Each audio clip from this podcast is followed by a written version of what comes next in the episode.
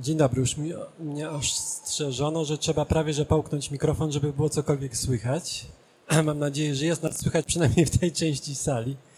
E, tak jak już Weronika powiedziała, rzeczywiście e, prowadzę blog Luz Luzomania, który jest ostatnio szczególnie, szczególnie aktywny na Facebooku, ponieważ no, nareszcie skończyłem pisać ostatnią dużą rzecz, czyli przewodnik po mieście Porto. Jestem już wolnym człowiekiem.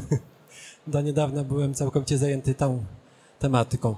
Dzisiaj sobie po, porozmawiamy, poplotkujemy w zasadzie. Marta, ja ciągle zapominam to piękne słówko portugalskie plotkować. Bardzo mi się ono podoba. Fufukar? O, właśnie, fufukar. Także troszeczkę sobie poplotkujemy o Portugalii. E, jeśli się uda, jeśli e, uda się zamontować ekran, to również pooglądamy zdjęcia autorstwa Weroniki. Zdjęcia oczywiście z Lizbony samej, czy gdzieś jeszcze poza? Alenteżu i Porto. Alenteżu, w którym się zakochałam, tam są na przykład takie przepiękne, rude ślicznotki, myślę o krowach. Wszystkie mają fantastyczny, rudy kolor i nawet ziemia jest y, ruda.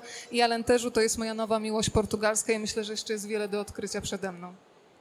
Tak, ale jednej rzeczy jako gospodarz nie zrobiłem. Mnie już przedstawiono, więc y, muszę przedstawić też moje koleżanki. Weronika Wawrzkowicz-Nasternak.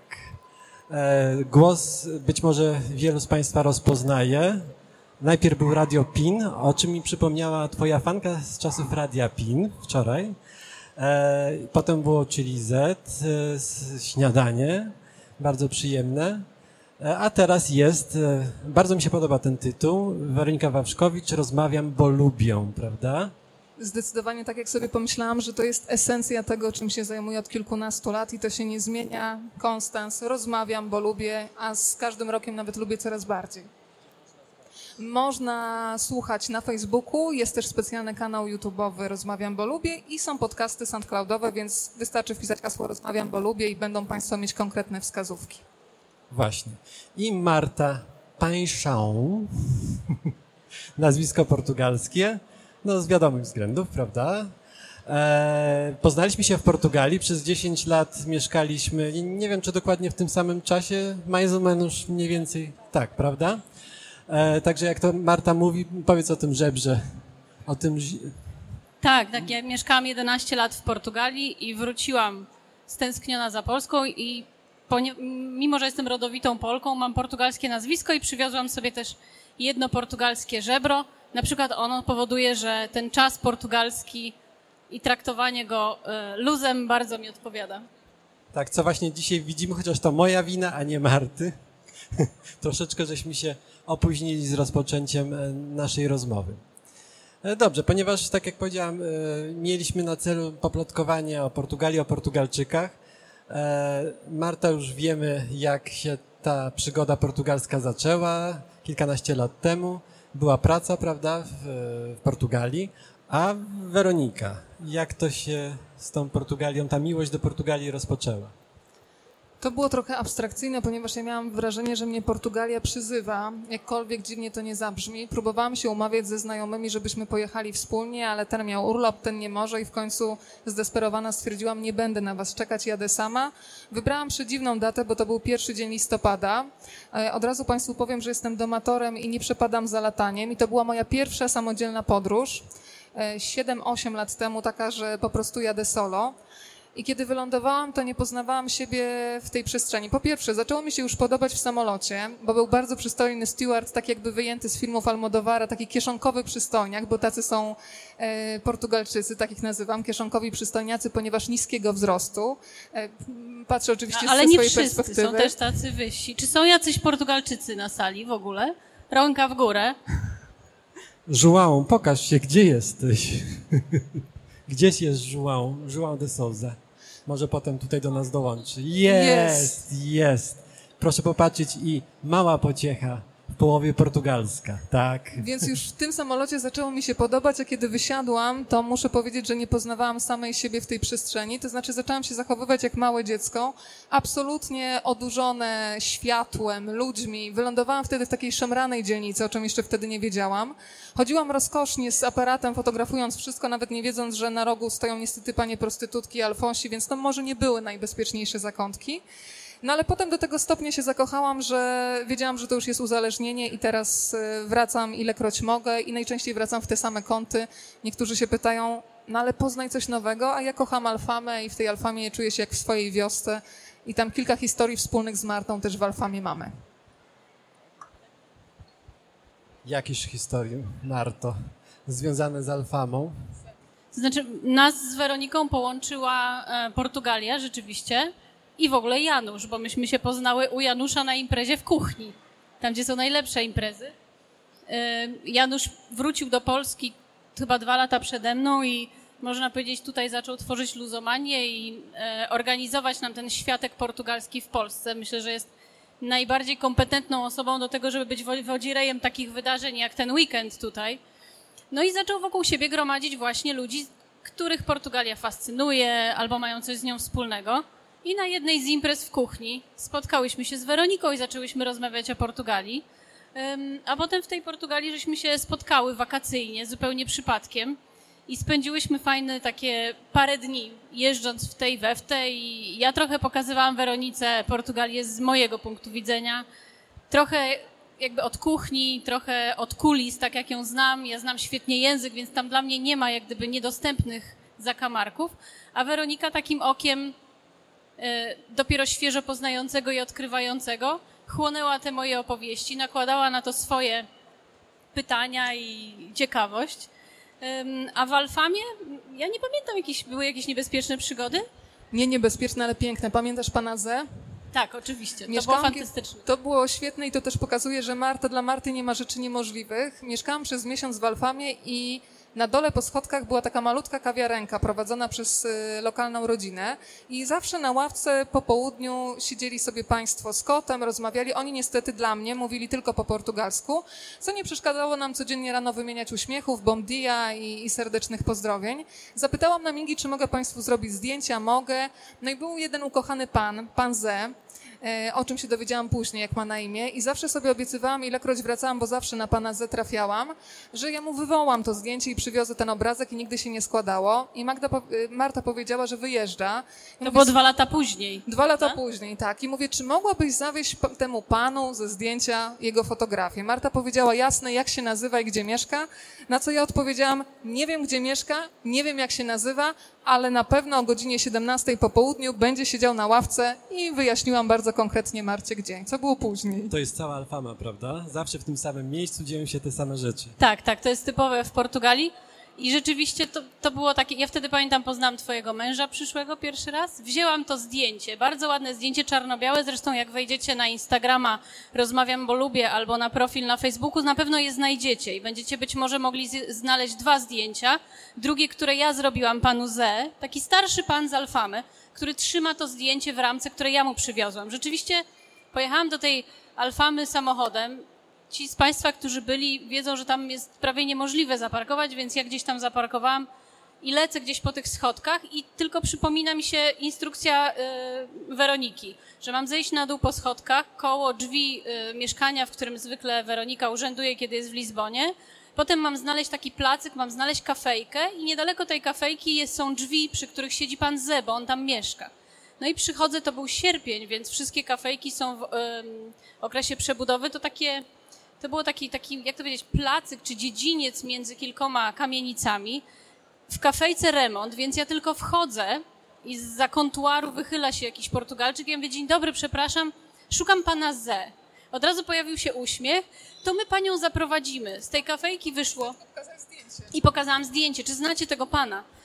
Wyszły trzy osoby, potem z domu obok wyszła kolejna i oni wszyscy mnie grupowo poprowadzili jakieś 50 metrów do domu pana Z, który rzeczywiście tam był i był bardzo zaskoczony, kiedy mnie zobaczył. Był potwornie wzruszony i oczywiście znakomicie pamiętał Weronikę, jej rozmowę i był strasznie wzruszony tym zdjęciem.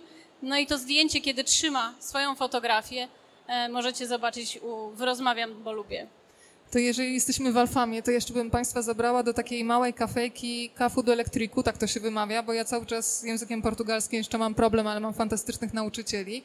E, to jest kafejka, która się pojawia w filmie Imagine Andrzeja Jakimowskiego. Przepiękny film o niewidomych w Lizbonie, ale tak naprawdę to jest opowieść o takich rzeczach, których nie widać, ale istnieją, na przykład miłość, czułość, wdzięczność.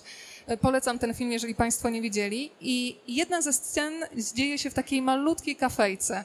E, Wszyscy Polacy, którzy odwiedzają Lizbonę, starają się tam dotrzeć. I jest tam Sandra. To, to jest miejsce, za które nie daliby Państwo pięciu groszy pewnie. Bardzo malutkie, skromne, niewykwintne. Natomiast jest tam cudowna Sandra z przepięknym uśmiechem. Spotkałam Sandrę, potem opowiadałam o niej przez radio i kiedy wróciłam ostatnim e, razem do Lizbony, to było w październiku tamtego roku, wchodzę, a Sandra wita mnie otwartymi ramionami i mówi, ty jesteś moim aniołem. Ja mówię, jak to jestem twoim aniołem? Ona mówi, co chwila przychodzi ktoś do mnie i mówi, że słyszał moją historię przez radio i chce mnie teraz odwiedzić, więc dla mnie Lizbona jest takim miejscem, gdzie się dzieją właśnie rzeczy magiczne, gdzie są nagrody za uważność. Właśnie mówiąc o Sandrze, której ja jeszcze nigdy nie poznałem, przyznaję się ze wstydem, e, muszę wspomnieć o takim blogu, o Boże, teraz mi, e, potem sobie przypomnę, blogu prowadzonym przez chłopaka z Wrocławia, bardzo fajnym, o Portugalii również. I on też e, kocha Sandrę, zawsze się tam pojawia i był tam, nie wiem, dwa tygodnie temu. Okazało się, że ulica, wyobraźcie sobie, jest e, nie cementowana, tylko asfaltowana. Tramwaje nie jeżdżą, więc był bardzo zawiedziony, zawiedziony bo dokładnie przed drzwiami tej kafe ele- elektryku zakręca tramwaj, prawda? Tak trasa akurat prowadzi. Jest to bardzo malownicze i malowniczo zostało uwiecznione we wspomnianym filmie, to prawda. E, może, jeżeli jesteśmy już w Alfamie, to ja powiem, że przez 9 lat mieszkałem e, w dwóch, znaczy mieszkałem w dwóch różnych portugalskich światach. Przez 9 lat to było Estoril. Nie wiem, Marta, czy się zgodzisz, gdyby powiedzieć, że taki Konstancin tyle, że nad oceanem. I ja bym nawet Konstancin połączony z Wilanowem. Aha.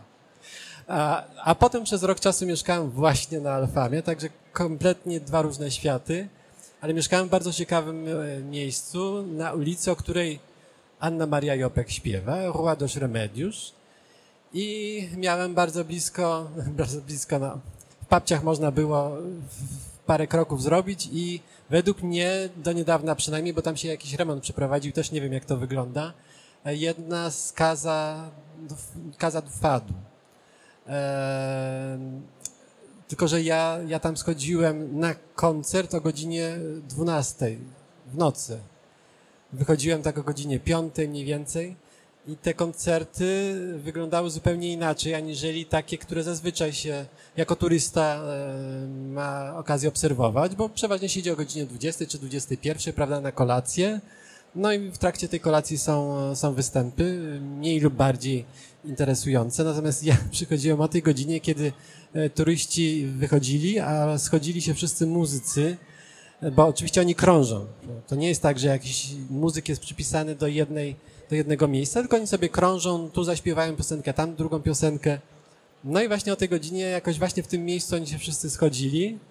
I to było bardziej ćwiczenie, wymiana doświadczeń, rozmowa, mnóstwo wina. Ja sobie siedziałem cichutko w kąciku i właśnie to żałuję, że nie miałem żadnego urządzenia nagrywającego, bo niestety tam zdjęć żadnych nie dałoby rady zrobić, bo było bardzo ciemno, nastrojowo, ale ciemno, ale dźwięk, no to byłoby bardzo ciekawe. Także to jest takie moje spotkanie z Alfam, spotkanie, roczny pobyt na, na Alfamie właśnie. Znaczy, Alfa, Portugalia, w ogóle Lizbona, tak? Jeżeli zostajemy w Lizbonie, Lizbona to nie tylko Alfama. Alfama to jest mały kawałek e, skrawek Lizbony, który absolutnie fascynuje, bo tam każda uliczka jest inna i są miejsca, które wyglądają, nagle wchodzimy w jakąś bramę, okazuje się, że to jest pięciogwiazdkowy hotel butikowy, albo wchodzimy w inną bramę, a tam diabeł mówi dobranoc. Więc w tym sensie Alfama jest fascynująca, ale Lizbona to jest mnóstwo takich innych zakątków. Moim ukochanym zakątkiem w okolicy y, Lizbony jest Sintra. To jest 20 kilometrów od Lizbony oddalona miejscowość, która, do której w pewnym momencie król zdecydował, ponieważ tam jest chłodniej, że wynosi swój dwór. I zanim oczywiście pojechała cała arystokracja, to jest takie miejsce, które wygląda trochę jak góry świętokrzyskie. I na tych górach w różnych miejscach znajdują się przepiękne pałace oraz zamek e, królewski. No i tam moim zdaniem spokojnie, jak się pojedzie do Lizbony na 6 dni, to można 2-3 dni spędzić w Lizbonie i dwa przynajmniej zostawić sobie na Sintrę, bo pojechać to, to jest za mało czasu, tam jest przepięknie. Więc e, i Sintra, potem jest niedaleko miejsca, o którym mówił Janusz, czyli Estoril, to jest kolejna dzielnica między Lizboną a Sintrą. Nad morzem, również z pięknymi widokami, z pięknymi willami, którą warto zwiedzić. To, to zawsze mnie e, bawiło, bo rzeczywiście Estoril ma największe kasyno w Europie. No, ja tam mieszkałem przez 9 lat. No byłem kilka razy w kasynie, bo akurat nie jestem zwolennikiem tego typu gier. Nudzi mnie Ja to tam po wygrałam kiedyś 50 euro. Ja tylko przegrałem parę euro, ale ciągle byłem pytany o to kasyno, a tak naprawdę to kasyno to nie jest nic nadzwyczajnego. To pierwszy raz, kiedy tam pojechałem, to był rok 99, no więc ja kasyno, Estoril, więc w co tu się ubrać i okazało się, że kasyna to już nie ten czas, y, y, wszyscy tam są brani normalnie, pełno jest y, automatów do gier przede wszystkim. Ja nie wiem, czy to kasyno nie było inspiracją dla autora książek o Jamesie Było, Bondzie, było. Casino Royale. Było, było, tam sobie siedział autor, e, jak on się nazywał? E, Jan- Jan- Jan Fleming, właśnie. Fleming. I no, jako też szpieg tak naprawdę, bo służył w wywiadzie angielskim, e, obserwował i to, co zaobserwował, potem zaowocowało właśnie w postaci tej książki. E, Ale kończąc o tym kasynie, bo to kasyno wygląda bardzo niepozornie, to jest takie brzydkie pudło tak naprawdę, ale przepraszam, no tak, tak, tak, tak to wygląda, z ładnym parczkiem z przodu. Znaczy ten park chyba jest taką wielką Tak. atrakcją kasyna, bo on jest aktywny i w zimie, która w Portugalii jest bardzo łagodna, i latem. Tam się odbywają koncerty, różnego typu eventy, spotkania, więc a w samym kasynie nieraz goszczą z koncertami fantastyczni artyści. Nie wiem czy co roku, ale bardzo często ze, swoją, e, ze swoim zespołem przyjeżdża do kasyna w Estoril Woody Allen, który nie wiem czy wiecie, ale jest także muzykiem e, i to bardzo dobrym i tam e, można na jego koncert się wybrać. Tak, to prawda. Koncertów jest tam całe mnóstwo. Obok jest Kaszkaisz ten, właśnie ten mały region jest bardzo ciekawą, ciekawym kawałkiem Portugalii, też z tego względu, że w czasie II wojny światowej i po II wojnie światowej e, no, tak się z różnych dziwnych powodów stało, że mieszkało tam kilkoro ex-króli z całej Europy. Wiadomo, systemy zmieniły się, e, no i biedni panowie musieli gdzieś się podziać, więc wybrali to ciepłe, przyjemne miejsce e, w Portugalii. No i bywało, że przy jednym stoliku w, w lodziarni, bo oni tam zwłaszcza się lubili spotykać, w lodziarni w e, Kaszkaisz, spotykało, siedziało paru ex, no ale mimo wszystko króli. Także to były zabawne czasy dla, dla tej okolicy, a ja w pewnym sensie e, kilkadziesiąt lat potem wkroczyłem w te ślady, dlatego że ja e, o tym nie wspominałem. Ja się znalazłem w Portugalii zupełnym przypadkiem, przez zupełny przypadek i tak się stało, że znalazłem się w rodzinie, żeby nie za długo mówić, polsko-por- polsko-portugalskich arystokratów e, e, i człowiek, dla którego pracowałem, który dożył sędziwego, e, sędziwego wieku, no był w tym czasie właśnie, pośrodku tych wszystkich wydarzeń, tam e, w Estoril. I ja jeszcze miałem okazję te kilkanaście, dwadzieścia lat temu poznać y, w Portugalii na przykład byłą, to nie królowa, e, jak się nazywa, Bułgarii, Bułgarii, nie księżna, caryca, tak, no caryca oczywiście, tak, carycę Bułgarii. Miałem okazję poznać siostrę króla Hiszpanii, bo mieszkaliśmy w Estoril, no jakieś 300 metrów od domu, w którym kiedyś mieszkała rodzina królewska z Hiszpanii i ona powracała, jest tam, spędza w zasadzie wakacje swoje wszystkie. Kogoś ja tam jeszcze poznałem, Habsburgach jakiegoś poznałem, który na motorku sobie jeździł po Estoril. Także jakieś pozostałości jeszcze tych, tych dawno minionych czasów, no, pozostały.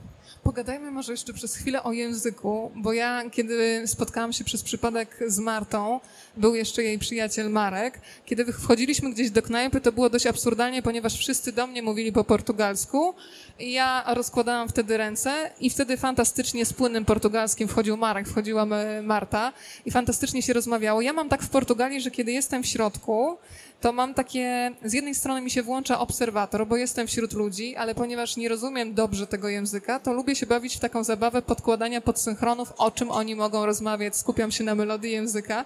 I Marta mi uświadomiła jedną rzecz, e, nawet podjęłam próbę nauki, powiedziała, na razie się nie ucz, bo z tej twojej niewiedzy czasami wychodzą ciekawe rzeczy. Na przykład zwróciłam uwagę na to, niech państwo sami sprawdzą, że w języku mm, portugalskim bardzo często usta się układają jak do pocałunku. Jest takie słowo, które po polsku brzmi bardzo niewyjściowo jak kapcie, chinelos. Prawda, jak pięknie brzmi po portugalsku i faktycznie te usta idą jak do pocałunku. Jest też piękny wyraz, który oznacza panią menadżer, a dla mnie to jest taki świetny wyraz, który po, pozwala wyrzucić ekspresję prawie jak wulgaryzm. A gestora. A, że sztora. Jak się Państwo zdenerwują, można używać i ja dlatego kocham ten język, bo lubię sobie trochę dopowiadać. Oczywiście uczę się bardzo dużo od Marty, ale czasami z tą niewiedzą umówiłyśmy się, że do momentu, kiedy nie skończymy jednego projektu, gdzie ja dopytuję, a Marta jest ekspertem, na razie zawieszam naukę, bo zwracam uwagę też na inne rzeczy, bo dla Ciebie to już jest oczywiste, prawda? To znaczy, język portugalski dla mnie to jest fizyczna przyjemność, żeby w tym języku się porozumiewać. E, I, i żeby się go uczyć i żeby go używać. I rzeczywiście e, to jest też język. Kiedyś był robiony taki test chyba, czy sonda, co ludzie najbardziej cenią sobie w Portugalii, tacy, którzy w Portugalii byli. E, I ta sonda, wbrew prawdopodobnie temu, czego byśmy się spodziewali, nie pokazała, że ludzie najbardziej sobie ze swojego doświadczenia w Portugalii cenią miejsca, pogodę, dobre jedzenie, tylko ludzi. I takim tajemniczym odkryciem bycia w Portugalii są ludzie. Więc język jest trochę kluczem do tego, żeby z tymi ludźmi się połączyć. I uwaga, nie trzeba go znać nie wiadomo jak, bo wystarczy znać kilka słów i oni są bardzo otwarci, oni są przeszczęśliwi, że my jakiegoś słowa używamy, że je rozumiemy. Myślę, że dobrym początkiem do takiego em, otwarcia się na język portugalski jest jedzenie. No bo pierwsze co, to kiedy jedziemy do Portugalii, idziemy do, na kafeziniu, odwiedzić e, jakąś kafejkę i zamawiamy de leite albo zamawiamy bica. I jak oni słyszą, że my zamawiamy to po ichnemu, są przeszczęśliwi i zaczynają z nami rozmawiać. I porozumiewają się, czy znają angielski, czy go nie znają, opowiadają historię i momentalnie powstają znajomości, które jak widać na przykładzie i Weroniki i pana Z trwają latami, są zapamiętywane. Taka ciekawostka, bo mówisz pan ze, bo to a propos też języka, to się, pan ze powstaje dla, y, To jest zdrobnienie że, od no José. właśnie, właśnie, to jest zdrobnienie od ze, od José, czyli od Józefa, prawda? Pan Józek, tak? Tak naprawdę? Właśnie. To przypomniałeś mi, że ja znam drugiego pana Józka jeszcze. Kiedyś też mieszkałam e, przez miesiąc e, w Alfamie i przechodziłam obok wypożyczalni skuterów i ostatniego dnia dosłownie, kiedy już wyjeżdżałam, pobiegł za mną pan, zapytał o coś po portugalsku, więc ja tradycyjnie e, rozłożyłam ręce, więc przeszliśmy szybko na angielski. E, Zaprosił mnie na kawę, ale to nie był żaden podryw. To jest też fantastyczne w Portugalii, że ludzie się chcą spotkać i pogadać. Więc e, ja przyniosłam ciasta do tej wypoży- ciasto, on przyniósł kawę, zaczęliśmy rozmawiać i kiedy wyjeżdżałam, dostałam od niego buteleczkę pustą i powiedział mi, wiesz co, tam w środku jest schowane powietrze z Lizbony. Jak zatęsknisz, to sobie odkorkuj. I ja cały czas tą buteleczkę mam i jak mi brakuje, to odkorkowuję i czerpię. I, I to jest właśnie przykład, dlaczego Polki wpadają jak śliwka w kompot w sieci Portugalczyków. Bo jej się wydaje, że to nie był podryw. Nie był. Nie, absolutnie. To jest właśnie to. Ja nie wiem, ilu tutaj jest Portugalczyków, czy są dziewczyny, które miały do czynienia z Portugalczykami, ale to jest jakaś taka rzeczywiście chemia, która się udziela natychmiastowo, bo Portugalczycy podrywają nie bezpośrednio, co bardzo na kobiety działa, bo my nie lubimy być tak frontalnie atakowane. Oni właśnie tak przyjdą jakoś tak y, w kontekście fajnie coś właśnie, no zobacz, tu jest powietrze z Lizbony, żebyś mnie zapamiętała i Taki się robi rozmowa i wspomnienia, a potem Portugalczyk w ogóle jest wytrenowany do tego, żeby podrywać Portugalki, a Portugalki, to, i to mi tłumaczyły Portugalki. E, Portugalki są nauczone tego, że mają nie pokazać, że są bardzo łatwe. Więc Portugalczyk, żeby e, Portugalka się nim zainteresowała, musi tak, robić tak zwane tukaru violinu, czyli grać na skrzypeczkach. Możecie sobie Państwo wyobrazić, co to znaczy. To jest proces, który trwa czasami tygodniami, żeby wyrwać buziaka. E, więc, i to jest dosyć taki, taka komunikacja, no i romantyczna, i intensywna, i jakie masz piękne włosy, i to i tamto. Co ja będę długo opowiadać, ze mną było tak samo. E, ja poznałam mojego byłego już męża e, w Warszawie. E, Pracował tutaj, było trzech Portugalczyków na kolacji, którą zaaranżowała moja szefowa, mówiąc mi, poznasz na pewno swojego przyszłego męża na tej kolacji. I rzeczywiście obsiadło mnie trzech, więc pierwsza strategia portugalskich mężczyzn, wszystko zdradzam, przykro mi. To jest, y, ta dziewczyna mi się podoba, idź się przedstaw, a potem mnie przedstawisz, czyli podryw nie bezpośredni. Druga strategia to jest właśnie bardzo intensywne takie e, lanie miodu. Ach, jakie ty masz piękne włosy, ach, jesteś niesamowita, jesteś to, jesteś tamto. Portugalki są na to uodpornione. One wiedzą, że jest to ten proces grania na skrzypeczkach. Polki wpadają jak śliwka w kompot, bo ja to tłumaczyłam moim przyjaciółkom Portugalkom. Ja mówię, jakby cię Polak podrywał, to byś się nawet nie zorientowała. Bo są zimni, ciągną za warkoczyki i tak dalej. No i rzeczywiście Weronika, szybciutko nie zorientowawszy się kiedy, wpadła w siedła, na szczęście nieskutecznie, bo czas gonił i chyba wylatywała, prawda? To był ostatni dzień. Ups. Ja od razu powiedziałam, ja przyszłam tam z obrączką, naprawdę. Ja powiedziałam, ja po prostu przyszłam na kawę. I pan też miał żonę, więc to nie był żaden, wiesz. To była miła rozmowa. Tak Śmiejemy się z Januszem szeroko. Powiedziałaś jak śliwka w kompot, ale w Portugalii jest e, inne hasło, prawda? Wpada się jak... Nem gin- ginżesz, tak? Nie, to, też, to jest e, wisienka. Ginża to jest taki alkohol, taki Likierek. likier wiśniowy, e, wiśniowy, tak? Tak, wisienka. ostatnio Jak wisienka opiłam. do likieru wpadamy. Bardzo szybko potem się człowiek staje taki rozkoszny i takiego rytmicznego, bujającego kroku dostaje. Uratuje cię. Jeśli Państwo chcą się dowiedzieć, jak działa żinżynia, to można ją kupić tutaj na tej hali, także proszę, proszę zajrzeć do sklepu. Bateria? O, u. E, jeżeli mówimy o Alfamie, jeszcze jedna rzecz mi się przypomniała. To był mój pierwszy dzień Alf, spędzony na Alfamie. E, oczywiście poszedłem na koncert do wspomnianej Casa do Fado i e, no, późno e, i szczęśliwy, bo Estoril jest piękny, tylko że do najbliższego sklepu to ja miałem no tak, dwa kilometry może, a ja nie jestem kierującym, więc to czasami bywa uciążliwe, a w Alfamie wstałem, wyszedłem, Przeszedłem na drugą stronę uliczki i była fantastyczna piekarnia, oczywiście z fantastyczną starszą panią, która te bułeczki tam sprzedawała. No więc ja taki zaspany wchodzę do tego sklepu, no i pff, mówię, że proszę tam dwie bułki, trzy bułki, sięgam po portfel, wyjmuję i, i widzę, że poprzedniego dnia, czy raczej nocy wyjąłem pieniądze, żeby wziąć je właśnie do tej Casa do Fado i zapomniałem z powrotem to, co zostało włożyć do pustego portfela, więc mówię do pani, o przepraszam, ja y, zaraz wrócę z pieniędzmi, a pani do mnie. To, jest, to był mój pierwszy dzień na Alfamie. Ale nie, proszę pana, proszę się nie kłopotać. Przyniesie mi pan jutro. Ale przecież pani mnie nie zna. No jak to nie znam? Przecież jest pan tym Polakiem, który się sprowadzi. To wszystko już wiedziała, bo Alfama rzeczywiście jest takim, z takim specyficznym, e, specyficzną częścią e, Lizbony i wszyscy o wszystkich wiedzą. Także to było bardzo przyjemne. I to sobie też zapamiętałem, bo rzeczywiście tego wieczoru śpiewała bardzo, bardzo fajnie śpiewała jakaś młoda dziewczyna. No to było, no to było już dobrych parę lat temu.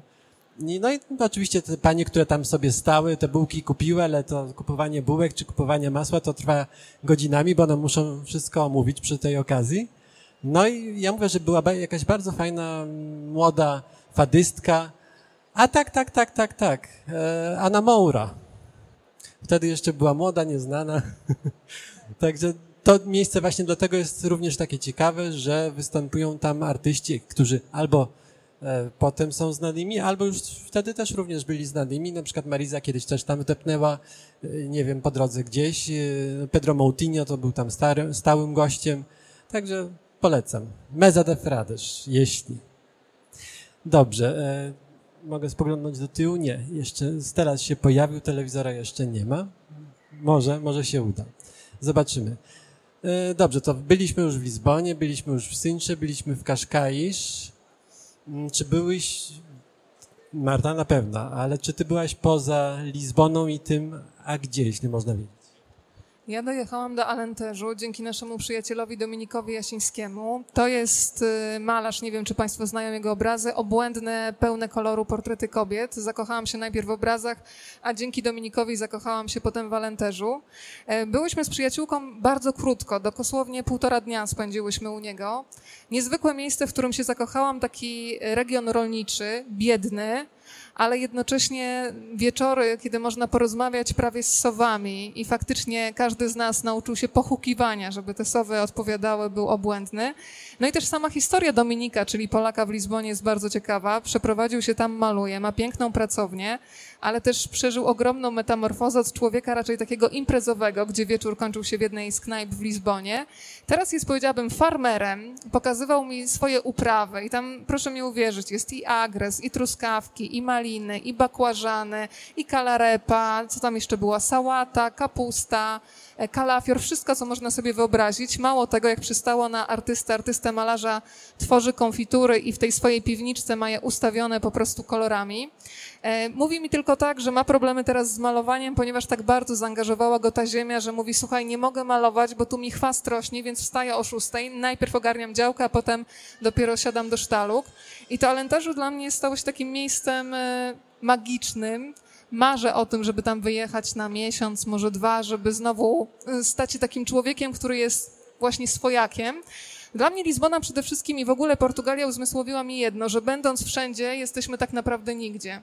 To było pierwsze miejsce, gdzie odłożyłam przewodnik, bo złapałam się na tym, że jeżdżąc na wakacje realizuję prawie korporacyjny plan, czyli wyszarpuję dwa tygodnie i w te dwa tygodnie muszę być tu, tu, tu, odhaczam i stwierdziłam, że mnie to po prostu najzwyczajniej w świecie męczy. Zostawiłam przewodnik, zaufałam swoim stopom i myślę, że właśnie Lizbona i cała Portugalia daje najpiękniejsze nagrody, jeżeli Państwo zaufają życiu i znajdą swoje miejsca. Takie, które nie są opisane w przewodnikach, takie, o których nikt jeszcze Wam nie powiedział. Ja na przykład uwielbiam, mm, idę sobie ulicą i nagle widzę mural, gdzie jest gąska balbinka z polskiej kreskówki i ta gąska balbinka jest na przykład na ulicy Lizbony. Można ją znaleźć, tylko trzeba się rozglądać.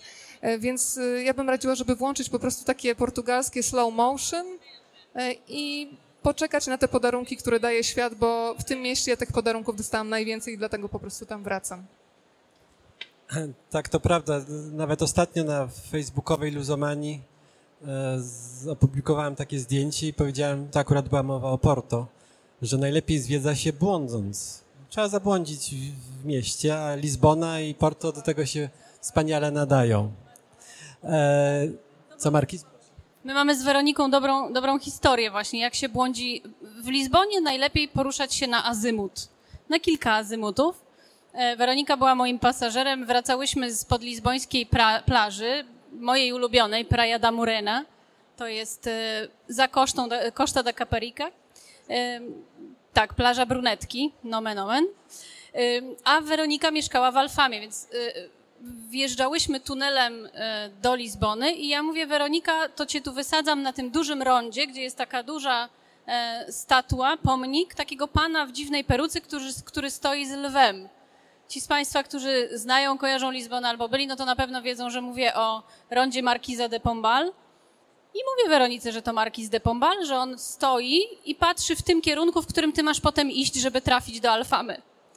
Marquis de Pombal patrzy w kierunku e, Alfamy i Bajszy, dlatego że to było dzieło jego, jego odbudowy tak, po trzęsieniu ziemi w Portugalii w 1744. E, natomiast jest dobrą wskazówką taką e, azymutową, więc z tego Weronika skorzystała. Ja może o tym Alenteżu powiem, bo to jest bardzo ciekawy wątek. Bardzo wielu Polaków jedzie do Lizbony, kojarzy Porto, a potem często korzysta z ofert, które są w Algarve. Alentejo jest taką nieodkrytą przez cudzoziemców, może i dobrze, perłą Portugalii. To jest taki region między Lizboną a właśnie Algarve. Ma najpiękniejszy, moim zdaniem, wybrzeże. To jest mój ulubiony region. Ma jedne z najsma najsmaczniejszych win. Mogą tutaj Państwo zapytać o winy z, wina z regionu Alentejo, bo one są przesycone słońcem. W ogóle Alentejo słynie z tego, że to jest taki region, w którym się nic nie zmienia.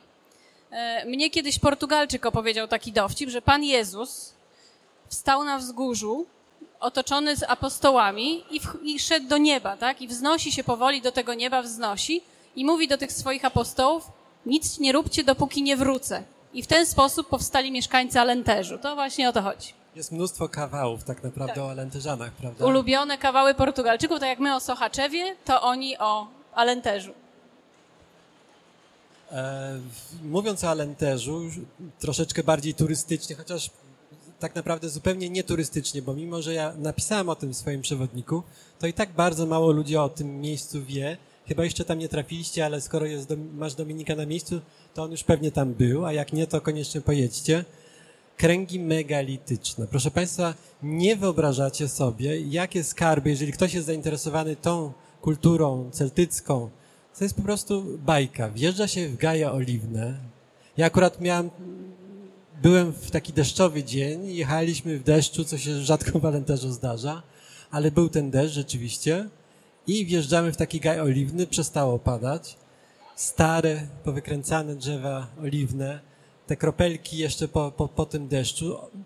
droga taka dosyć no, była ryzykowna, bo po prostu polna droga. Nie, nie za bardzo wiedziałem, dokąd oni mnie wiozą. Słuchajcie, wjechaliśmy na taką polanę i na tej polanie najnormalniejszy, najzwyklejszy, ogromny krąg megalityczny. E, pojechaliśmy kilometr czy dwa dalej, ogromne takie menhiry, czyli specjalnie poustawiane kamienie e, służące zapewne e, jako świątynie, rodzaj świątyni prehistorycznych, bo to 5 czy 6 tysięcy lat e, te budowle mają. Także naprawdę warto, będąc w Alentejo, który jest ogromnie ciekawym regionem, e, życie na wsi to jest jedna rzecz, bardzo fajne, chociaż krajobraz tam się niesamowicie zmienia, bo wiosną to jest fejra barw, zieleni, kwiatów, to wszystko po prostu aż się wylewa, ale w pozostałe części roku to raczej wszystko jest sparzone słońcem, takie brunatnawe, prawda? Tak, jest dość sucho. Tam e, w tej chwili są instalowane duże fermy fotowoltaiczne właśnie ze względu na to nasłonacznienie. Dlatego warto się wybierać w głąb Alenteżu, właśnie odkrywając takie dziwne zakątki albo inne miasta. Tam jest dużo rzeczywiście pozostałości, na przykład po starożytnym Rzymie. W mieście Evora jest jedno z najpiękniejszych świątyń Diany zachowane w zasadzie idealnie, coś czego w Europie trudno doświadczyć. A wiesz, dlaczego jest tak idealnie zachowana? Bo w trakcie dziejów, oczywiście to jest e, zabytek z czasów pobytu Rzymian e, w Portugalii, bo któż w Portugalii nie mieszka? Prawie, że wszyscy. E, przepraszam. I to jest zabytek zachowany bardzo dobrze do naszych czasów, dlatego że nie wiem dokładnie, kiedy to było, gdzieś w średniowieczu albo troszeczkę później, został obudowany tam się mieściła na przykład rzeźnia, tam się mieścił jakiś skład. Po prostu przestrzenie pomiędzy tymi kolumnami zostały zamurowane, potem to zostało tynkowane. Ludzie zapomnieli tak naprawdę, co tam się mieściło, no ale w XIX wieku, chyba pod koniec XIX wieku, jakoś sobie o tym przypomnieli, rozebrali te nieciekawe mury się nagle okazało, że po środku miasta, bo to nie gdzieś nie wiadomo gdzie, to jest po środku miasta, stoi piękna świątynia, oczywiście bez dachu, no ale mimo wszystko można sobie bardzo łatwo wyobrazić, jak to, jak to wyglądało. E, tak jak powiedziała Weronika, Portugalia rozdaje nagrody za uważność. E, I warto sobie wynająć samochód i pojeździć troszeczkę tak nie poza głównymi szlakami. Ja myślę, że Portugalia to nie jest taki kraj, który warto zwiedzać z wycieczką wykupioną w autokarze standardowo, jeżeli chce się doświadczyć czegoś innego, chociaż też warto bo w Portugalii wszystko jest blisko, ludzie są blisko, są łatwi w kontakcie, ale wszystkie zabytki są blisko. Ja pamiętam, jak zabrałam mojego byłego męża i jego przyjaciół z Portugalii na Wawel. I na Wawelu są piękne tapety. Moja koleżanka się zbliżyła do tej tapety, żeby ją obejrzeć, nawrzeszczała na nią pani. W Portugalii, w Lizbonie, wszędzie, gdzie wchodzimy, do zabytków, do zamków, e, do tuneli, można wszędzie wejść, można w zasadzie wszystkiego dotknąć, wszystkiego doświadczyć, obejrzeć z bliska. Ja nawet ostatnio będąc y, zapomniałem poprosić o pozwolenie na fotografowanie w Muzeum Arte Antiga, czyli takim największym portugalskim, no tak, portugalskim również, lizbońskim muzeum. I z tym statywem sobie spaceruję przez pokoje. No wiadomo, że w każdym z tych pokoi jest jakiś strażnik, ale tylko tak na mnie patrzyli. Dopiero po 15 minutach ktoś podszedł i delikatnie powiedział, że przepraszam, czy pan ma pozwolenie? Mówię, no nie. No to nie może pan, przepraszam. Tak, więc w Portugalii wszędzie można wejść, wielu rzeczy spróbować. Um, oni jakby przestrzegają zasad, tylko to jest taka kultura, która nie narzuca tych zasad, w sensie, że, że nie pilnuje, tak jak u nas restrykcyjnie, tylko jest ta swoboda i wolność i wzajemny respekt. Bardzo to sobie u Portugalczyków cenię. Marta powiedziała o tych zasadach. Ja zawsze, kiedy wracam z Portugalii, to mam problemy na przejściu dla pieszych, bo w Portugalii wszyscy przechodzą tak, jak stoją, w dowolnym miejscu niestety. I jak tak człowiek miesiąc tam posiedzi, to się bardzo łatwo do tego przyzwyczaja i potem e, zapomina, że jednak na czerwonym się stoi i przestrzega się reguł w Polsce. Tutaj nie ma oczywiście z czym dyskutować, ale kwestia przyzwyczajenia i tego takiego powol tej powolności na ulicy również e, jest e, ogromna. Mamy już podobno zdjęcia, z tego co wiem. Czy możemy je uruchomić? Państwo się może zdziwią, bo na tych zdjęciach tak naprawdę nie widać Portugalii w sensie architektury, zabytków, krajobrazu, bo dla mnie klimat danego miejsca zawsze tworzą ludzie. Y, jest też bardzo dużo psów akurat w tym wypadku, ale tam mam wrażenie, że kiedy się spaceruje uliczkami, to po prostu y, same kadry przychodzą przed nasz obiektyw. Może się jeszcze uda powiększyć tego czworonoga, to jest kolejny dowód na to, że warto zadzierać głowę w górę, w górę, w górę. Oczywiście zadzierać można tylko w górę, sama się teraz poprawię. To zdjęcie jest zrobione malutkim aparacikiem, jeszcze chyba z moich pierwszych y, pobytów w Lizbonie, już zniknęło niestety. Czy możemy jeszcze wrócić do poprzedniego? Tam, gdzie jest pani starsza i dziewczynka. Bardzo je lubię. Czy ja mogę poprosić o zdjęcie wcześniejsze? Wcześniejsze, wcześniejsze. O, bardzo lubię to zdjęcie, bo dla mnie to jest symbolicznie młodość i starość, ale nie wiem, czy Państwo też tak mają. Ja w tej staruszce w oknie też widzę małą dziewczynkę, która z taką samą czułością patrzy na świat na zewnątrz, a ta mała jest ciekawa tego, co jest przed nią. To jest oczywiście e, interpretacja dowolna. E, poproszę o kolejne zdjęcia. Tutaj y, czarno-białe zdjęcia i ten nastrój, który mi się kojarzy właśnie z Lizboną, to jest jeden z najbardziej znanych tarasów widokowych. E, a dalej mamy już panią, panią, która jest związana z jednym z klubów y, Fado i taki dotyk czułości. To jest nawet zdjęcie robione iPhone'em, piękna kobieta, dojrzała, ale ma w sobie ogromną elegancję. No i kolejni mieszkańcy Alfamy, E, którzy nie znają języka e, angielskiego najczęściej, ale jak widać to kompletnie nie przeszkadza w kontaktach. Ten uśmiech, zainteresowanie i ciekawość dostaje się po prostu na dzień dobry. To zdjęcie też lubię, przede wszystkim te przykrótkie nogawki. Te schody też są dla mnie symboliczne, bo pewnie przed tym małym człowiekiem dużo schodów do pokonania, jak przed każdym z nas. No i to czułe spojrzenie ojca gdzieś e, tak naprawdę przy supermarkecie, ale też taka przestrzeń, która gdzieś pchała się przed obiektyw. Tutaj powiedział e, Janusz chyba, kiedy zobaczył to zdjęcie, że ono jest trochę jakby wyjęte z czasu. To mogłoby być i opera w wieku XIX. E, a to jest takie drzewo, jak Państwo znają, alfamę, które wręcz wchodzi na chodnik i rodzina gdzieś zatrzymana przy okazji rodzinnego zdjęcia, ale faktycznie tak ubrana i tak teatralne gesty, że równie dobrze mogłaby być to jakaś scena operowa lub e, teatralna. To jest właśnie wspomniany pan Z ze swoim kotem. Zawsze ta ławeczka e, to jest niedaleko ulicy Świętej Heleny. Jeżeli Państwo będą w pobliżu, to przy małej restauracyjce pan ze zawsze przesiaduje razem ze swoimi sąsiadami. To klimat, który się zawsze kojarzy z Lizboną, czyli człowiek siada sobie na schodach i bardzo szybko zyskuje towarzyszy, bardzo leniwych. Nie wiem, czy się zgodzicie, ale koty w Alfamie są jak święte krowy w Indiach. Ja widziałam kilka takich akcji, gdzie pies nawet nie mógł przejść, bo kot po prostu leży na środku, się nie przysuje, więc właściciele musieli dużego labradora brać na ręce, żeby łaskawie przejść, ponieważ to są mieszkańcy dzielnicy i tak jak powiedziałam, mają status świętych krów w Indiach koty. Znowu pan Z, który spokojnie tak, który spokojnie sobie. E, I chyba nawet właśnie to zdjęcie trafiło do pana Z, prawda? To zdjęcie trafiło do pana Józefa naszego. To jest zdjęcie zrobione z e, kafejki, o której Państwu wspominałam, kafu do elektryku.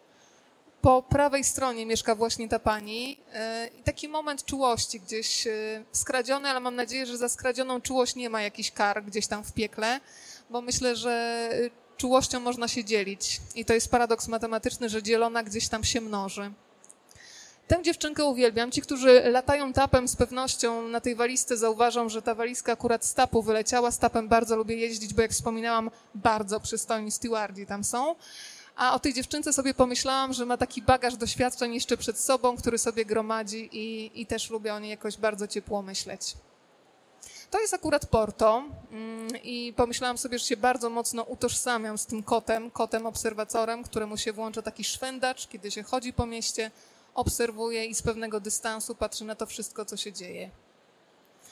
To jest z kolei w pobliżu Straży Pożarnej. Mm, można powiedzieć, że wymarzony model, który potrafi przyjąć e, odpowiednią postawę i, I, co jest y, ciekawe, znalazłam tego samego modela na zdjęciach swoich przyjaciół i kiedy wracam, to zawsze wypatruję w to okno i on się czasami pojawia. Doszłam nawet do takiego stanu, że kiedy widzę na ulicach alfamy psy, to jeżeli wyprzedzają swoich właścicieli, to wiem, jaki właściciel za chwilę wyjdzie, mimo że go osobiście nie znam. Byłam ostatnio z moją przyjaciółką i, i zachowałam się trochę jak mała dziewczynka. Mówię, zobacz, zobacz, zaraz będzie taki pan, długie włosy, to jest jego pies. Pan popatrzył na mnie trochę zdziwiony, bo ja prawie jakbym go znała, ale faktycznie poprzez psy poznaję już właścicieli. I to są drobnostki, które kocham w Lizbonie. Bardzo bym chciała, żeby w polskich oknach też było po prostu dzień dobry, Drobnostka, którą ktoś miał ochotę zrobić ręcznie, bon dia, czyli dzień dobry i pełna słońca Lizbona. I to, co w niej lubię, co widać na tych oknach, że to jest piękno nieidealne. Chyba dlatego się zakochałam w Lizbonie. E, Porto w ogóle bym powiedziała, kiedy byłam kilka lat temu, że było wręcz umierającym pięknem, bo przepiękna architektura, ale bardzo odrapane i zniszczone budynki, teraz to już się zmienia. y, ale za to nie idealne piękno, kocham to miasto. No i panowie, moi ulubieńcy, ja byłam na dole, panowie byli bardzo wysoko, ale to nam nie przeszkodziło złapać kontaktu wzrokowego, dostać uśmiech, a skoro dostałam uśmiech, to tym uśmiechem się dzielę. No i dziecięca radość. Kocham to zdjęcie, ponieważ e, znowu jeden z tarasów widokowych e, w Alfamie i taka dziecięca radość, beztroska, zawsze mi się psiowatość kojarzy z tym, co najpiękniejsze, czyli z otwartością. Emocje są po prostu bez żadnych masek. Jak jest radość, to ogon macha psem, jak jest smutek, to pies po prostu wyje. No i, i to dziecięce, zaognione jeszcze policzki od tej dzikiej radości. To jest y, Lizbona i mundurki, y, czyli taki stały wystrój, który towarzyszy tamtejszym uczniom. No i zakochałam się przede wszystkim w czerwonej ścianie. Też takie zdjęcie, które można by uznać za lekko zawieszone w czasie. Równie dobrze mógłby to być wiek XIX. Tu są bardzo zmęczone sierściuchy czworonogi. Mieszkańcy, widać, że tacy otumanieni upałem, ale jednak łaskawe spojrzenie jeden z nich zostawił, rzucił. Tego psa kojarzę doskonale, chyba nadam mu własne imię, ponieważ zawsze go widzę, kiedy jestem w Lizbonie. Tutaj was zapytam o wsparcie. Kiedy jest święto e, świętego Antoniego, pojawiają się takie kapliczki. Powiedzcie, co to jest?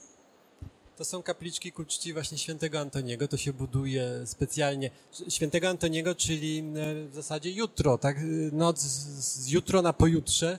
To jest najbardziej szalona noc e, w Lizbonie. To jest święto, święto miasta no tak naprawdę patronem miasta jest inny święty, Wincenty, ale Portugalczycy jakoś bardziej sobie ukochali swojego własnego. Świętego Antoniego w Polsce się mówi Padewskiego.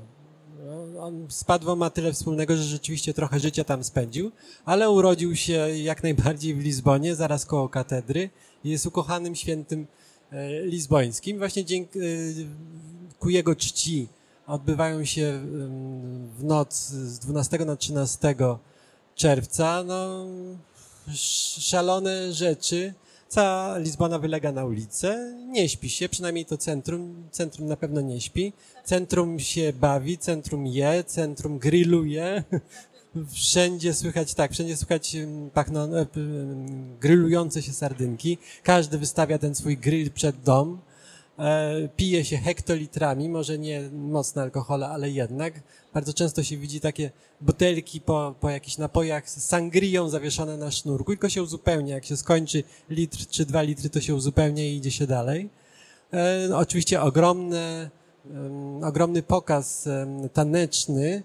E, tak naprawdę w Rio de Janeiro karnawał to się nie wziął z powietrza. To jednak przywędrowali ludzie kiedyś z Portugalii do, do Brazylii, chociaż aż tak gorące rytmy to tam może nie są. Na głównej lizbońskiej ulicy, która jest zamykana, kompletnie zamykana na ten moment. Wyobraźcie sobie, no nie wiem, któraż ulica Portuga e, warszawska, no na przykład Marszałkowską. Proszę bardzo, zamykamy Marszałkowską na cały dzień i robimy sobie e, korowód taneczny. Oczywiście do tego pokazu tanecznego przygotowują się poszczególne dzielnice Lizbony cały rok ćwiczą te układy, robią kostiumy barwne, szalenie piękne, kiczowate, prawda? Ale to, to pięknie wygląda. Ten wieczór naprawdę fantastycznie wygląda. No i nie zapominajmy o pannach młodych. Bo święty Antoni z Lizbony, bo on się tam urodził, jest świętym y, panien niezamężnych i rzeczy zagubionych. Jest z tym związana historia. W Alfamie na pierwszym piętrze siedziała y, niezamężna panna, która się modliła żarliwie do świętego Antoniego, żeby jej wreszcie sprowadził narzeczonego i to się nie mogło wydarzyć. Ona w złości strasznej wzięła tą figurkę świętego Antoniego i cisnęła nią przez okno. Okazało się, że figurka lecąc przez okno uderzyła w głowę młodego człowieka, który przechodził ulicą i on jej po prostu tę figurkę przyniósł i został jej mężem. Więc w noc, w dzień e, poprzedzający, e, znaczy nie, e, poprzedzający 12 czerwca, czyli święto świętego Antoniego, w katedrze lizbońskiej 12 albo 13 par, w zależności od roku, wybranych przez władze miasta, tam jest przez cały rok są zgłoszenia, najbiedniejsze, najbardziej potrzebujące młode pary, które chcą wziąć ślub, składają e, takie prośby do miasta i miasto im funduje. Tego dnia wszyscy biorą ślub. Panny młode dostają wymarzone suknie, mają wielką imprezę, wesele, ich rodziny są zapraszane, a oni są, można powiedzieć, takimi głównymi bohaterami tego dnia. I rzeczywiście w tym korowodzie, w tej paradzie świętego Antoniego, w której maszerują grupy przygotowane poszczególnych dzielnic, one są potem, uwaga, oceniane i wygrywają co roku i to jest wielki honor dla danej dzielnicy i wielka, wielka impreza w tej dzielnicy, to maszerują również tą główną ulicą, gdzie wokół niej są ustawione trybuny i siedzą bardzo tłumnie mieszkańcy Lizbony i nie tylko, maszerują właśnie te pary młode. E, Czyli to się nazywa Noivas do Santo Antoniu, czyli panny młode świętego Antoniego. To jest przepiękny widok, kiedy one wychodzą z katedry po ślubie. Tam zawsze jest prezydent miasta, władze miasta na tym ślubie. To jest bardzo uroczysta msza. Zwykle któryś z ważnych przedstawicieli kościoła udziela tego ślubu. Na tej mszy często gośćmi są pary małżeńskie, które taki ślub brały 20, 40, 50 lat wcześniej, czyli mają złote gody albo inne. To jest naprawdę wszystko bardzo takie wzruszające. I kiedy one wychodzą z tej katedry, bardzo często na górnej kondygnacji, tam gdzie jest rozeta, ktoś stoi i rozrzucają takie płatki róż albo serduszka, które lecą. Więc to po prostu wygląda przepięknie w tym lizbońskim słońcu. Ja może a propos tego, zanim oddam głos dalej Weronice, a propos tych, tych małżeństw, powiem, zapraszam na swojego bloga Luzomania, bo kilka lat temu byłem, byłem właśnie w tym czasie, znaczy jak mieszkałem w Portugalii, to zawsze musiałem być w noc z 12 na 13, bo to jest naprawdę wyjątkowa rzecz. No, od kilku lat mieszkam już w Polsce, ale pojechałem akurat, to chyba było dwa albo trzy lata temu. E, No i z takim znajomym, z którym przeprowadzałem wywiad, e, to jest bardzo ciekawa historia, która mam nadzieję kiedyś się ukaże o, o człowieku, który uratował więcej Żydów, aniżeli znany wszystkim Schindler, Portugalczyk w czasie II wojny światowej. Właśnie to był jego wnuk. E, Rozmawiałem z nim i on mówi, niedaleko właśnie katedry, w której odbywają się te śluby, e, ta fundacja ma swoją siedzibę. No weszliśmy do fundacji, on mówi, ale wie pan co, bo to był dokładnie ten czas, kiedy pary wchodziły do kościoła, a może wejdziemy do mojej znajomej, która mieszka na, na, na ostatnim piętrze tego domu. Ja mówię, no dobrze. Wchodzimy, wdrapujemy się po takich starych schodach, wchodzimy, a ta jego znajoma, oprócz mieszkanka skromniutkiego, normalnego, miała taras taki jak u mnie we Sztoril, był takiej wielkości.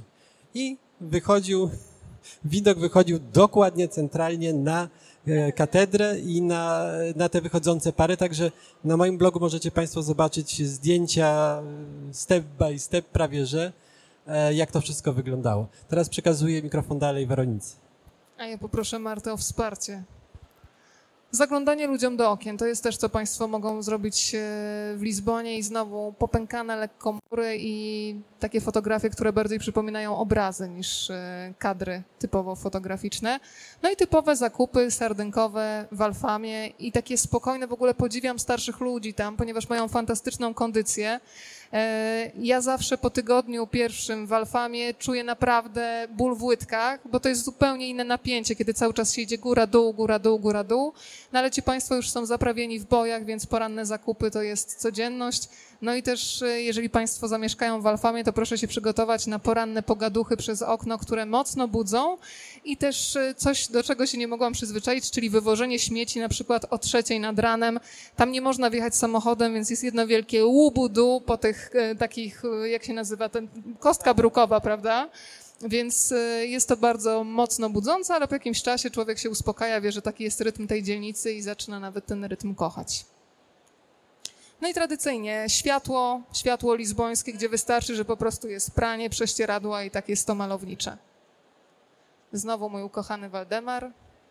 To, co lubię też w Lizbonie, to są faktury, które się mieszają. To drzewo jest akurat y, przed zamkiem, ale znowu mamy kostkę brukową, taką rudość i te fantastyczne korzenie i zapewniam Państwu, że jeżeli tam pojedziecie raz, to się zakorzenicie w Portugalii na to już nie ma siły. Tu mi się skojarzył ten ogon pawi też z sardynką. Sardynką, która jest y, znakiem też Lizbony. Bardzo mi się podoba tradycja jednego z banków, to był chyba Bank Millennium, który zawsze angażował mieszkańców do tego, żeby tworzyli mm, sardynki jako logo, które potem występują na różnego rodzaju produktach. E, To jest specjalność od kilku lat właśnie tego święta, świętego Antoniego. Jest rozpisywany specjalny konkurs, międzynarodowy już teraz konkurs, na który spływają tysiące, tysiące różnych propozycji e, artystów, amatorów, A propos sardynki, ich wyobrażeń o sardynce. No, szkoda, że tutaj chyba nie ma dostępu do internetu, bo bym zaraz pokazał, jak wyobraźnia ludzi pracuje i jak można przedstawić sardynkę. I rzeczywiście jest konkurs, jest wybierana najlepsza sardynka i ona potem, znaczy jakieś graficzne wyobrażenie sardynki i ona potem zdobi e, całe dzielnice, jest takim, takim obrazem dla obchodów święta, świętego Antoniego każdego roku. Tak, one są nawet drukowane w takiej wielkim formacie i wiszą na głównych alejach, na głównych e, ulicach i można je obejrzeć. Ja myślę, że możemy się umówić, że na Rozmawiam, bo lubię i na Luzomanii, jak Państwo zajrzą, to po tym spotkaniu i Janusz i Weronika umieszczą po prostu link, żeby mogli Państwo zobaczyć, co w tym roku wyczarowali ludzie, którzy zgłosili swoje sardynki. To jest fantastyczna pomysłowość młodych grafików, aż człowiek by się nie, spodobał, nie spodziewał, że można tyle wymyślić jakby w tej samej tematyce. Zobaczmy, co jeszcze dalej mamy.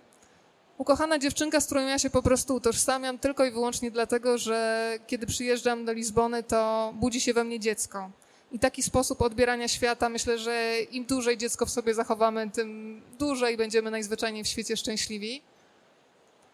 Pan, który siedzi sobie nad Tagiem, Tagiem, czyli rzeką, która jest y, w Lizbonie nazywana Słomkowym Morzem. Niektórzy nawet twierdzą, że idą nad morze, a jest to jednak y, rzeka. No i to spojrzenie bardzo uważne. Tu mamy wspomniane ślicznotki, o których Państwu wspominałam, czyli Alenteżu. Tam nawet ziemia jest taka ruda e, i nie widziałam żadnej innej krowy o innym kolorze, tylko ta rudość y, dominująca. Konie również przepiękne. Tu mamy kolejny pomnik, Marta Zdrać. Tym razem mówiłaś już o panu z lwem kamiennym, a teraz mamy pana na koniu. Zdradzisz, kto to jest?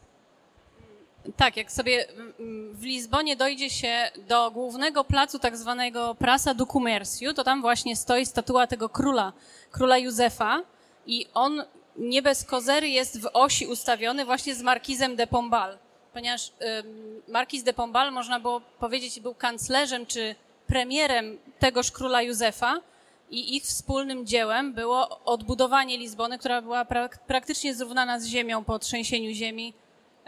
Jednym z największych chyba, jakie znała Europa w historii. Tam było najpierw trzęsienie ziemi, potem przyszło ogromne tsunami, a potem e, jeszcze Lizbonę strawiły pożary, ponieważ to był dzień e, zaduszny i wszędzie były porozpalane świece i one po prostu e, odpaliły wszystkie, podpaliły wszystkie budowle.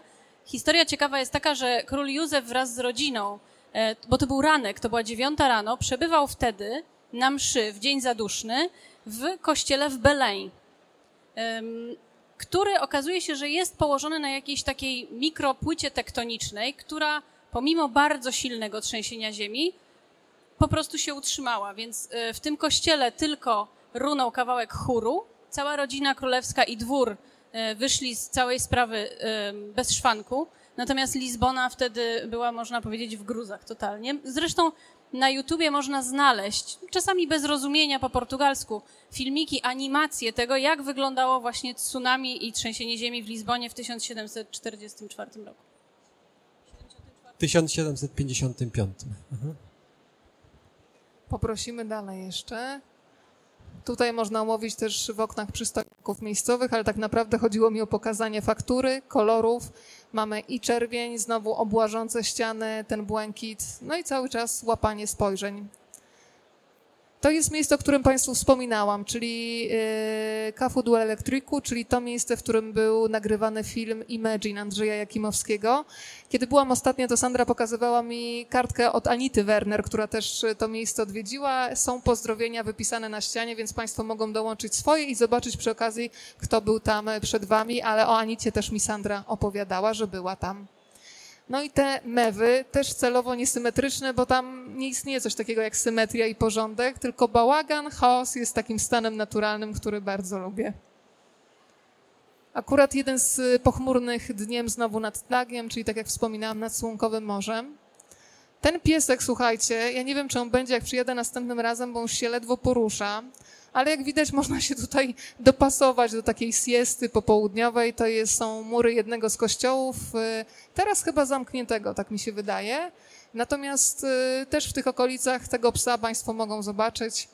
Nie mam pojęcia, jak ma na imię, ale ja mam taką manierę, że lubię ich, jak jestem, to nazywam.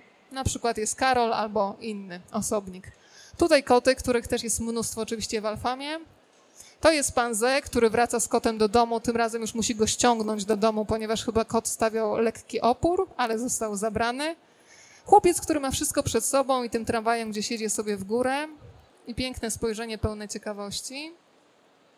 Kolejna e, święta krowa indyjska, czyli kot w alfamie, który się nie przesuwa, trzeba zrobić krok albo go ominąć. Nie ma takiej opcji, żeby się ruszył, to jest jego miejsce. A tutaj pełna beztroska i właśnie ja się czuję jak taki pies, y, który mentalnie macha ogonem, kiedy tam przyjeżdżam. Ciągła radość. Moi przyjaciele uknuli nawet taki termin, że osiągam tam wyrostan. I to polega na tym, że ja non-stop mam uśmiech, mało tego nie potrafię spać, ponieważ non-stop chcę się czymś nasycić, więc po czterech dniach trzęsą mi się ręce nie od picia, ale od tego, że mało śpię, ponieważ mam w sobie takie nienasycenie, że cały czas biegam po mieście jak z motorkiem i muszę cały czas chłonąć. Tak mniej więcej się czuję w Portugalii. To jest kot grillowany, właśnie pozostałości po święcie świętego Antoniego, czyli pozostałe jeszcze tektury, a dla kota, jak widać, każde miejsce do drzemki jest idealne. No i to jest stały widok. I jak widać tutaj, jak powiedzenie jak pies z kotem też nabiera zupełnie innego znaczenia. To jest jedno z mieszkań, w którym mieszkałam, malusieńkie. Zresztą Marta mnie nastraszyła dzień wcześniej, że w Portugalii są karaluchy i powiedziała, że karaluchy i te takie z pancerzykami. A ja zaczęłam się śmiać, mówię tak, jak taka ryba.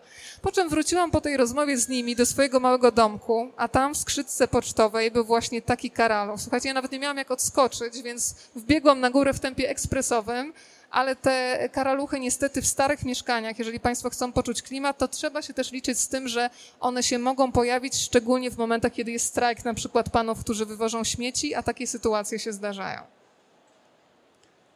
To też jeden z, ze stałych widoków e, Alfamy, z tarasu widokowego. Tutaj, jak Państwo widzą, e, Jan Paweł II e, na tym plakaciku z boku, no i kolejny mieszkaniec Alfamy, ja nie wiem, mam jakieś naprawdę porozumienie z psami, bo one zawsze wychodzą, kiedy ja się pojawiam. Może warto powiedzieć trochę o Portugalczykach i o Kościele, e, bo to wielu Polaków interesuje. Portugalczycy są krajem katolickim, Portugalia jest krajem katolickim i Portugalczycy są e, dosyć wierzący, ale w taki swoisty sposób. Oni są bardzo blisko tego, co w wierze chrześcijańskiej takie najprostsze, e, najbliższe sercu, najbliższe człowiekowi. Ja uczestniczyłam w wielu mszach, w różnych kościołach, w różnych parafiach, w różnych regionach Portugalii. No, oczywiście Fatima jest takim znanym miejscem. Tam rozmawia się właśnie o miłosierdziu, o przyjaźni. Parafie to są e, grupy ludzi, którzy się, takie wspólnoty, ludzi, którzy się wspierają, e, sąsiadów. Na przykład ksiądz w mojej parafii, który był, najpierw był Portugalczyk, a potem przyjechał Polak, zawsze na koniec mszy ksiądz wychodzi z ministrantami, zanim wszyscy wyjdą i stoi pod kościołem i żegna wszystkich parafian, podając im rękę, kiedy oni wychodzą z kościoła. Więc to są takie zwyczaje. Nas, Polaków, oczywiście kojarzą bardzo dobrze z Lecha Wałęsy, ale również kojarzą Jana Pawła II, mają do nas dużo serca. E, bardzo kojarzą to, że Jan Paweł e, nadał rangę e, taką światową właśnie Fatimie i, i, i ją uznał. Przypomniał mi się jeszcze tytuł jednego z rozdziałów, który planujemy dla Państwa. Deal z Matką Boską, pamiętasz? E, powiedziałabym, to nawet był barter z Matką Boską, bo tam to podejście do tego, co można obiecać Panu Bogu, żeby coś dostać, też jest bardzo interesujące. Wspomnij o tych rzeczach właśnie w Fatimie, tych zwozów. Tak. Tak, bo y, y, Portugalia jakby utworzyła się w drodze rekonkwisty, czyli chrześcijańscy rycerze, którzy w X wieku, w XI wieku kolejno odzyskiwali z rąk Maurów poszczególne regiony Portugalii, musieli niejako wchodzić w dobrą komitywę z miejscowymi e, plemionami, ludami, wioskami. Zwykle to byli poganie, e, którzy też żyli pod reżimem Maurów. Więc żeby się z nimi dogadać, nie mogli przyjść i narzucić im kolejnej wiary chrześcijańskiej. Więc niejako robili taką, jak to powiedzieć, taki merger, no, taką, takie połączenie. I z tego połączenia do dzisiaj e, do, do, do, dożyło, czy to trwało to, że Portugalczycy mają e, wielkie uwielbienie dla wszystkich świętych. Dlatego tych świętych tam jest tak mnóstwo. I każde miasto, każde wio, każda wioska, ba, czasami każda dzielnica ma swojego patrona świętego. To jest troszeczkę tak jak taka wielo, jak to powiedzieć, wielobożkowość. E, A druga rzecz to jest właśnie Fatima. Więc Fatima i w ogóle Matka Boska Fatimska, oni z nią robią deale, oni się z nią dogadują. Oni tam jadą załatwiać różne sprawy i to jest bardzo pobożne i to jest bardzo fair i bardzo okej. E, Jak się wjeżdża do Fatim i wszędzie widać takie stragany, prawda, z woskowymi różnymi figurkami, tam są ręce, serca, głowy, małe dzieci, e, piersi, czasami to są książki, no najróżniejsze rzeczy, takie figurki woskowe i to można kupić. Co się potem z tym robi? Idzie się tam na ten główny plac, gdzie jest e, bazylika oraz e, świątynia, ta, w której stoi figurka Matki Boskiej i tam jest taka spalarnia i spala się to, robiąc tak zwaną intencję. Po portugalsku nazywa się to fazer uma promesa, czyli zrobić obietnicę. Krótko mówiąc, wygląda to w taki sposób. Matko Boska, jeżeli ty mi pomożesz na przykład, żeby mój syn zdał na studia, czyli na przykład palimy książkę albo palimy coś, co jest e, tego symbolem, kupione wcześniej, to ja obiecuję, że coś tam.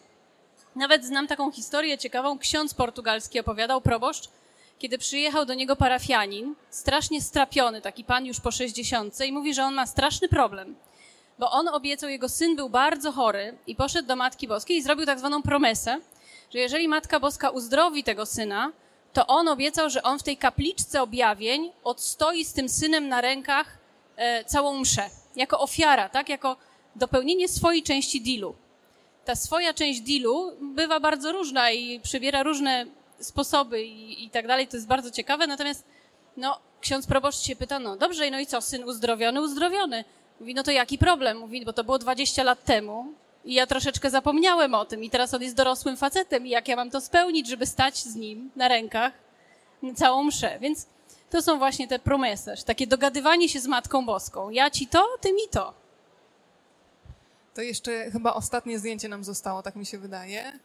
Z tego co pamiętam. Nie, jeszcze nie. Ten pan mi bardzo Billa Maraja jakoś przypomina, jakąś scenę filmową, każdy sobie swoją opowieść do tego dopowie. To jest widok y, spod prysznica. Jeżeli Państwo będą, naprawdę, jeżeli Państwo będą mieszkać w Alfamie, to właśnie jest nisko. Trzeba się przyzwyczaić i faktycznie pamiętać o tym, jeżeli jest się wysokim, że trzeba schylać głowę podczas e, wchodzenia. Są bardzo wąskie drewniane schody. O windzie proszę zapomnieć, ale jak Państwo będą stać pod prysznicem, to można sobie spojrzeć przez okno i całkiem przyjemny dla oka widok.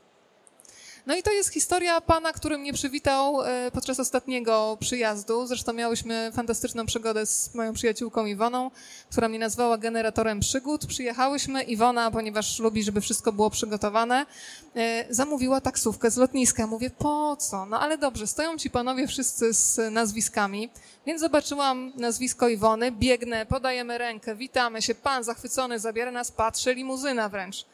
I tak myślę, patrzę na Iwonę, mówię, Iwona, nie wiem ile na to wydałaś, ale dobra, wsiadamy, cukiereczki z tyłu, Iwona je tego cukiereczka, ja też, zaczynamy rozmawiać z panem, że to nowy samochód, on mówi, tak, jego nowe dziecko, my to chyba dużo je, no tak, dużo pali i ruszamy, ale ja cały czas jestem zdumiona, no trochę za ekstrawagancko jak na moje możliwości.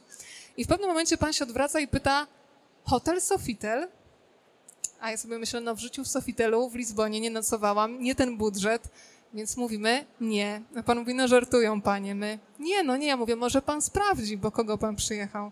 No i okazało się, że facet miał nazwisko jakiegoś Holendra, wbite, nic go w ogóle nie zatrzymało, że dwie kobiety.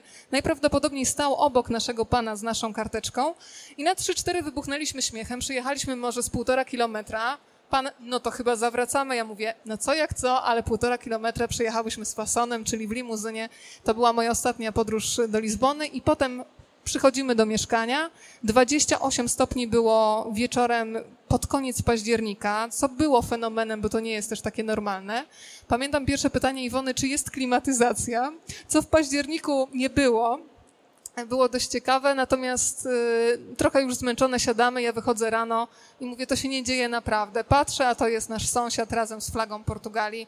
Dlatego ja uważam, że tam trzeba przyjechać, bo dostaje się magię, tylko trzeba dać jej szansę i po prostu zrobić pierwszy krok. Dobrze, myślę, że zakończymy, bo y, tak po portugalsku zupełnie się zatraciliśmy, zegarków nie nosimy, nie wiemy, która jest godzina, chyba troszkę przekroczyliśmy ten nasz czas. Także bardzo dziękuję za spotkanie, za opowieści. Miłośnikom Portugalii to było Um Dois Três, czyli raz, dwa, trzy. Trzech miłośników Portugalii. Zapraszamy na twój profil, powiedz, bo chyba nie, nie wspomniałaś. Tak skromnie, to rozmawiam, bo lubię. Rejestrowaliśmy spotkanie, postaramy się je zmontować. Patrzę znacząco na mojego męża, to jest dobra. Taka, to jest tak zwana transpozycja ty na my, czyli zmontujemy, czyli y, Tomek, mam nadzieję, że mi w tym pomoże. Rozmawiam, bo lubię tam rozmowy, zachęcam, żeby się Państwo do nich przysiedli i zasłuchali. Ale luzomania też będzie na pewno obecna i będzie udostępniać i podaj teraz ty swoje, no i Martę musimy to przekazać. No, luzomania po prostu jest jedna taka luzomania. Luzomania teraz już tylko .pl, bo musiałem się przenieść ze starego miejsca. No i na Facebooku również, a na Instagramie zapraszam na trochę bardziej kulinarną luzomanię, bo ja działam kulinarnie, prowadzę warsztaty kulinarne również z kuchni portugalskiej. E, I zanim oddam mikrofon Marcie, bo nie wiem, która ciągle jest godzina, ale chciałbym zaprosić Państwa o 17 czy o 17.30, być może jeżeli się przesunęło, za chwilę, też tutaj w tym samym miejscu, będę prezentować muzykę portugalską, ilustrowaną e, fragmentami kliku, klipów i oczywiście no, muzyką płynącą z głośników. Ja nie śpiewam, proszę się nie obawiać. E, natomiast chciałem Wam pokazać, że muzyka portugalska to nie tylko fado, ale fado oczywiście będzie, no bo skoro się mieszkało na Rua dos Remedios, no jakżeż inaczej, ale również inne rodzaje muzyki portugalskiej e, zaprezentuję, także zapraszam za chwileczkę tutaj w tym samym miejscu. I Marta. Ja bardzo, bardzo dziękuję Januszowi za, za zaproszenie i dziękuję, że mnie poznał z Weroniką. Ja nazywam się Marta Paixão. Moje nazwisko po portugalsku oznacza gorącą miłość i pasję.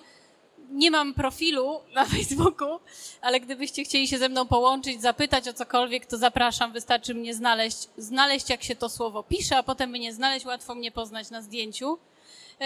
My z Weroniką z tego świata portugalskiego nie wyjdziemy tak szybko. Szykujemy dla Państwa coś specjalnego, właśnie, żeby można było to doświadczenie podróżowania, przechadzania się z nami po Lizbonie e, przedłużyć. Już niedługo będą mogli Państwo sobie poczytać też i posłuchać na ten temat więcej, bo szykujemy taką trochę grubszą wersję tych naszych rozmów. Ja zapraszam Państwa do, jakby gdybym miała coś polecić, jeżeli chodzi o Portugalię, to po pierwsze zejść z głównych szlaków. Luzomania jest wspaniałym miejscem, żeby dowiedzieć się, jak to zrobić i nie bać się tego doświadczenia. E, Zjechać z tych y, torów i kolejn i poszukać swojej Portugalii, bo każdy ma swoją Lizbonę, jak tam pojedzie, prawda? A druga rzecz to taka mm, chyba moja osobista prośba czy zachęta.